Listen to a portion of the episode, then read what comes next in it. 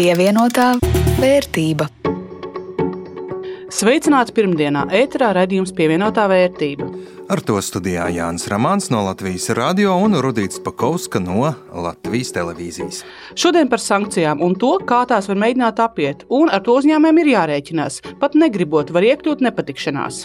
Paskatīsimies arī uz to, kas notiek biržā, un arī par kādu biržas uzņēmumu šoreiz par lauksaimniecības tehnikas tirgotāju no Lietuvas. Pievienotā vērtība. Mārts un pavasaris ir tas brīdis, kad liela daļa iedzīvotāju kārtējo reizi pārvērtē savas attiecības ar valsts ieņēmumu dienestu. Nu, sākas ienākuma deklarācija iesniegšanas laiks. Ja vēl salīdzinoši nesen, pirms gadiem pieciem, gan daudz cilvēku izvēlējās labāk to nedarīt un dzīvi sev neapgrūtināt, tad šogad, pirmajās trīs mārta nedēļās, vidi saņēmis jau 580 tūkstošu deklarāciju. Pirmajā dienā uzreiz, kā to varēja izdarīt, tas ir 1. martā, Tās iesniedza 220 tūkstoši cilvēku. Vidus sakās, ka paspējis jau te pusē, jeb 230 tūkstošiem cilvēku pārmaksātos nodokļus atmaksāt, tam iztērējot 78 miljonus eiro.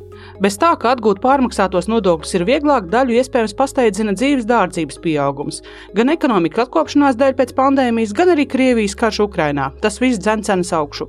Šodien gan degvielas cenām vajadzēja mazliet straujāk krist lejup arī Latvijas degvielas uzpildes stacijās, sekojot naftas cenu kritumam pasaulē, bet nemaz tik naski, kā cenas ceļotie nebija. Un, lai gan enerģetikas krīzes risināšanas darba grupa degvielas tirgotājiem izdevās pārliecināt, ka tā tam ir jābūt, jābūt, konkurences padome lēma degvielas tirgotājiem mm, pakratīt ar pirkstu un tos mazliet pamotivēt. Tas ir uzsāka degvielas tirgus cenu uzraudzību, pārbaudīšot, vai situāciju neizmanto ļaunprātīgi.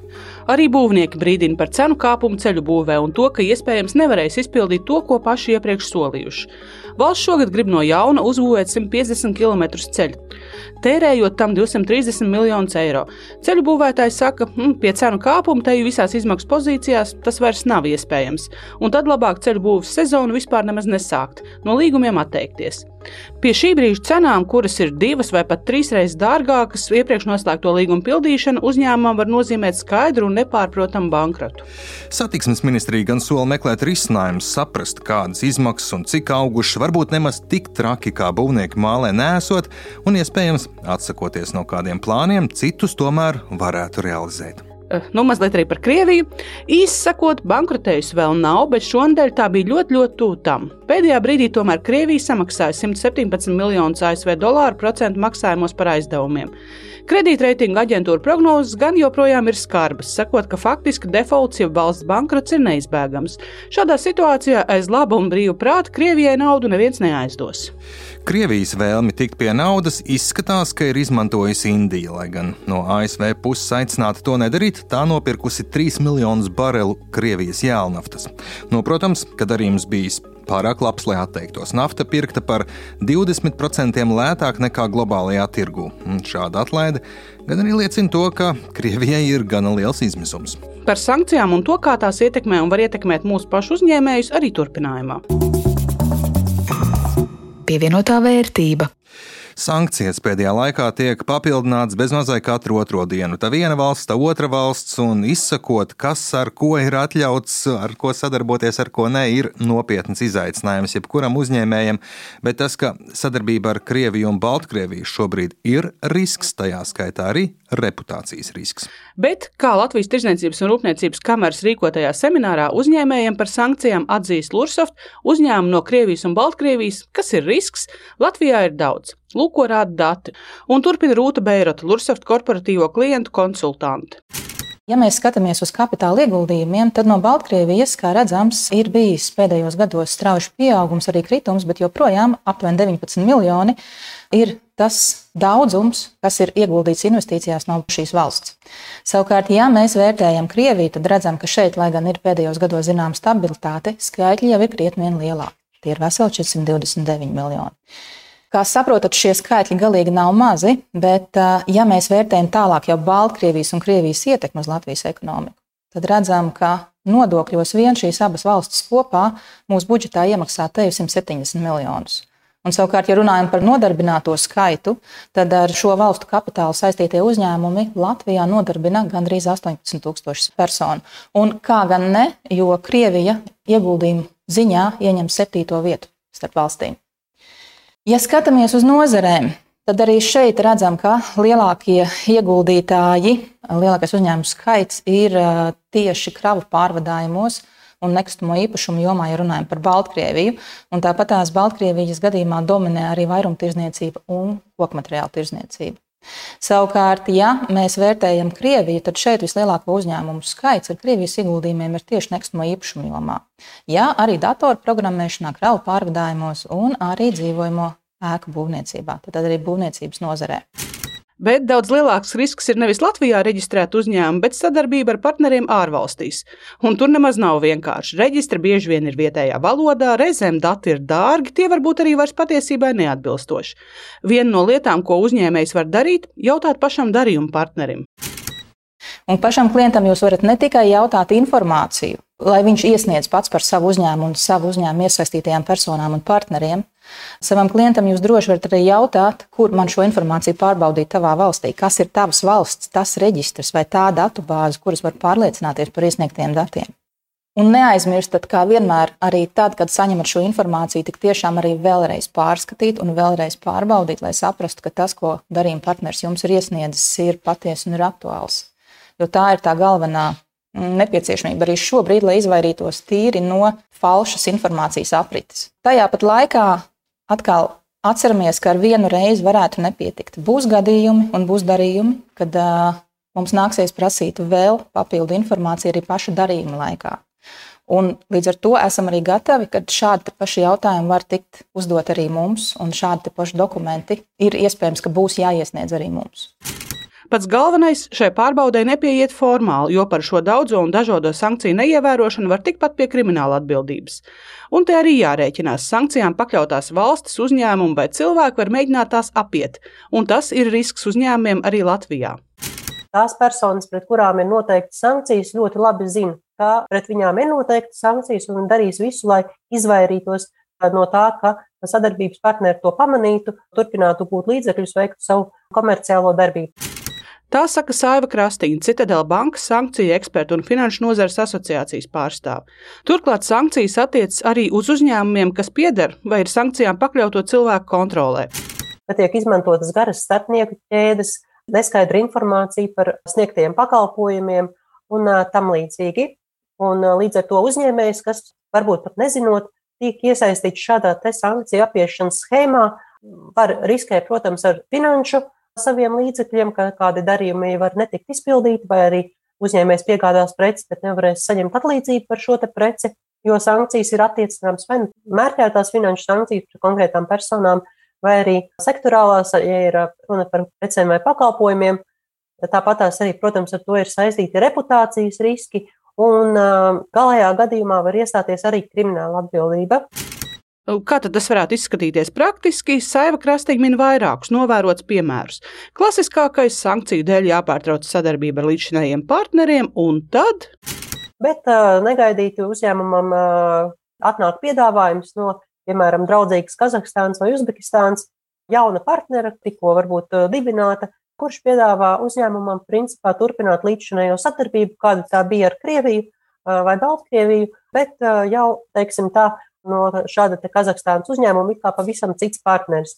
Šeit pastāv risks, protams, ka uzņēmumi Krievijā un Baltkrievijā seko līdzi sankcijām, zina, ko var, ko nevar piegādāt, un attiecīgi mēģina izmantojot vai nu starpnieku kompānijas, vai vienkārši dibinot kompānijas trešajās valstīs. Tā skaitā tāds risks pastāv arī uz Eiropas Savienību, bet mazāks, jo ir spēcīgāks kontrols, bet ka šeit tiek izmantot šādas starpnieku kompānijas, lai apietu sankcijas. Vēl jāuzmanās, ja pēkšņi saņem izcili izdevīgu darījumu piedāvājumu, bet tam nav nekāda sakara ar jūsu uzņēmuma ikdienas darbību. Piemēram, esat lauksaimniecības uzņēmums, un uh, jums pēkšņi atnāk ļoti izdevīgs starpniecības piedāvājums IT jomā. Kā piemērs, mums tur nepieciešams steidzam piegādāt kravu pret esošo partneri. Tur bankrots iestājās, mums nepieciešams izmantot jūsu uzņēmumu, kā varbūt variet palīdzēt, un, teiksim, iespējamā peļņa ir 300 vai 500 procenti. Peļņa milzīga, bet iespējams uzņēmumi mēģina izmantot, lai ievestu vai izvestu lietas, kas stiprinātu Krievijas vai Baltkrievijas militāros spēkus. Vēl, protams, ir klasisks rīcības modelis. Partneris vienkārši melo par to, kas viņš ir. Meklētājā uz uzņēmuma vārdu, darbības atrezi vai kādu citu informāciju neko neatrod, vai nu arī atrod pavisam kaut ko citu. Vēl ir arī mēģinājumi krāpties ar dokumentiem, mēģinot kādu aspektu noslēpt. Ja dokumentācija nav precīza vai ir ļoti vispārīga, piemēram, vienkārši minēta IT tehnoloģijas vai kā citādi, teiksim, kaut kas izdzēsts, sabursīts, pārkopēts, ka ne īsti nevar saprast, kas tad ir šīs preces ražotājs, piegādātājs vai arī starpnieku kompānija, kāda, piemēram, ka preces ražotājs patiesībā ir kāda Baltkrievijas rūpnīca, kas ir tiešā veidā ielikta sankciju sarakstā, un šī informācija tad ir dokumentācijā paslēpta un tiek vienkārši piedāvāts, lūdzu, mums te steidzami ļoti vajag piegādāt šādas preces. Visi dokumenti šobrīd nav, bet viss ir kārtībā. Bieži vien tiek arī speciāli slēpti muitas kodi. Vēl, kā stāsta Krastīgi no Citadeles, jāuzmanās, ja Eiropas Savienības vai Amerikas Savienoto Valstu kompānijai dokumentos parādās konti vai adreses Krievijā. Tas arī var būt mēģinājums apiet sankcijas. Vai arī pēkšņi sadarbība nav ar ierasto izplatītāju vai ražotāju, bet gan ar milzīgu garu starpnieku ķēdi. Tad katram no šajā ķēdē iesaistītajiem ir jāpārbauda, vai tie, to īpašnieki, patiesā labuma guvēji un tā tālāk nav pakļauts sankcijām. Bet kas notiek Baltijas biržās? Šķiet, pirmais stress par karu ir pārgājis. Tallinā 4,14% pieaugums, Lietuvā 2,58% plusā, bet Latvijā mazākais, nu, bet arī kāpums - plus 0,42%. Visvairāk tirgotas šauļu bankas akcijas par gandrīz 3,5 miljoniem eiro, cenai nedēļas laikā pieaugot par 7,26%. Otrajā vietā Lietuvas energomilzis Ignitis grupa. Tur tirzniecības apjoms 3,28 miljonu eiro cenai maz, maz kāpums, bet trešie Igaunijas LHV grupa - 2,8 miljonu eiro tirzniecības apjoma apgrozījums un cenai 5,7% klāta. No Latvijas līderis SAF tehnika. Apjoms gan pret tirgus līderiem neliels, tik 70 tūkstoši eiro apgrozījums un akcijas cenai nedēļas laikā 1,3% plusā. Un tā visa rezultātā mans portfels pret pērno nedēļu nedaudz pieaudzis. Tā vērtība ir 386,27 eiro.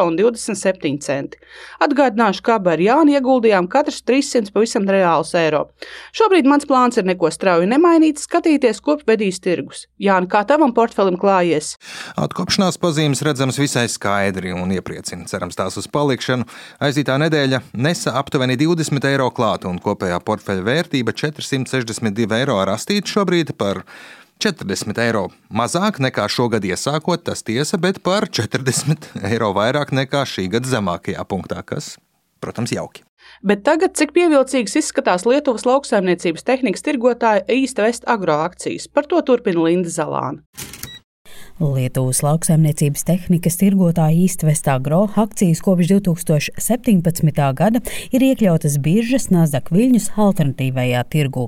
Tobrīd Īstvest Agro bija tikai ceturtais uzņēmums alternatīvajā akciju sarakstā, bet pat laban tajā savas akcijas tirgo jau 15 Baltijas uzņēmumi. Īstvest Agro apkalpo vairāk nekā 6000 zemnieku visā Lietuvā. Šis uzņēmums darbojas jau kopš 2006. gada Lietuvā un eh, piedāvā jaunu un lietotu lauksaimniecības tehniku un arī graudu uzglabāšanas telpas. Ieguldījuma eksperts Invil pensiju fondu valdes priekšsēdētājs Andrēs Martīno stāsta, ka Īstvest agro sniedz arī tehniskā atbalsta un apkopes pakalpojumus. Kopumā uzņēmums ir eh, tādu pozitīvu tēlu Viņam ir diezgan laba reputācija vietējā tirgu tieši nu, kā tehnikas piegādātājs lauksaimniecības. Viņi arī strādā un uh, pakļaujas daudz tam finansiālu atbalsta mehānismu Eiropas Savienības, kas notiek lauksaimniecības jomā, cevišķi nu, tehnikas iegādes, jo ir uh, skaidrs, ka uh, līdzīgi kā Latvijā, visādas atbalsta programmas notiek, kuras ietvaros var lauksaimnieki atjaunot savu tehnisku bāzi. Jā, nu, tā kā iegādāts jaunas traktorus, tur kombinus un tādas lietas. Periodos, kad lauksaimniekiem ir pieejams finansējums tehnikas iegādēji no Eiropas Savienības struktūra fondiem, tad arī īstvest agro ir pļaujas laiks, kad kāpināt apgrozījumu, un tad arī atdeves rādītāji ir pozitīvi. Bet brīdī, kad Eiropas nauda Lietuvas ekonomikā neieplūst, tad arī īstvest agro apgrozījums samazinās, izaugsme ir cikliska. No vienas puses tas ir tāpēc, ka kad visi ir sapirkušies, nu, kādam laikam pietiek, jā, tās tehnikas, un tad tie galvenie ieņēmumi nāk no apkalpošanas un no graudu telpām. Protams, kaut ko kāds vēl nopērk, bet ja visi ir pieredzināti pie tā, ka ik pa laikam to var izdarīt uz tādiem atvieglotiem nosacījumiem ar valsts atbalstu, nu tad pēc tam par pilnu maksu ir diezgan grūti kaut ko iegādāties. Periodos, kad īsta vestāgro apgrozījums kāpj un uzņēmums strādā ar peļņu, tad tas labprāt akcionāriem līdz 25% no peļņas izmaksā arī dividendēs. Pozitīvi, ka uzņēmumam praktiski nav parādu sloks, un tas nozīmē, ka brīžos, kad tā darbībā ir kritums, tad uzņēmums grūtos brīžus var pārdzīvot un strādāt ar nelieliem zaudējumiem. Kopumā īstvest agro apgrozījuma apmērs iet roku rokā ar Eiropas atbalsta pieejamību. Piemēram, 2018. gadā, kad bija pieejami atbalsta mehānismi, tad īstvest agro strādāja ar 27 miljonu eiro apgrozījumu. Savukārt 2019. gadā atbalsts nebija un apgrozījums kritās par gandrīz 18 miljoniem eiro. Gadu vēlāk atbalsts atkal bija pieejams un īstvest agro apgrozījums sasniedza jau 29 miljonus eiro. Šogad viņi strādā arī tādus labvēlīgos apstākļos un e, plāno sasniegt e, gandrīz 3,2 miljonus. Viņi labprāt izmaksā dividendes. Un e, par 20. gada rezultātiem viņi ir izmaksājuši 3,5 centus uz vienu akciju. Un paredzēts, ka kaut kas līdzīgs, pat drusku vairāk, varētu būt arī par pagājušā gada. Martīnos teica, ka pašreizējā ģeopolitiskā situācija no vienas puses lauksaimniecības jomu ietekmē pozitīvi, jo Krievijas un Ukrainas tirgus lauksaimniecības ziņā nevarēs pilnvērtīgi darboties. Tiesa, tas nelabvēlīgi atspoguļojas pārtiks produktu cenās, kas palielinās. Negatīvais faktors - dārgāk kļūst arī degviela, un minerālu mēslu tirgus piedzīvo lielu satricinājumu. Ja ir um, pozitīvas domas par lauksaimniecību un uh, ir sajūta, ka tās atbalsts pieaugus un neizsīks, nu, tad uh, noteikti var uh, skatīties uz šo uzņēmumu. Bet atkal tie apjomi un uh, likviditāte ir salīdzinoši zema. Ja? Proti īstvest agro akciju apjoms biržā ir ierobežots, jo vairāk nekā 70% kontrolu pakete pieder diviem Lietuvas uzņēmumiem - Linda Zalāne, Latvijas radio pievienotā vērtība. Ar to arī izskan šīs nedēļas raidījums pievienotā vērtība. To veidoja Rudīts Pakausks no Latvijas televīzijas un Jānis Ramāns no Latvijas radio. Par skaņu rūpējās Ulris Grunbergs un atgādināšu, ka visus pievienotās vērtības raidījumus bieži vien plašākus nekā radio ētrā var dzirdēt arī jūsu iecienītākajās raidierakstu platformās. Uz tikšanos pēc nedēļas! Pievienotā vērtība.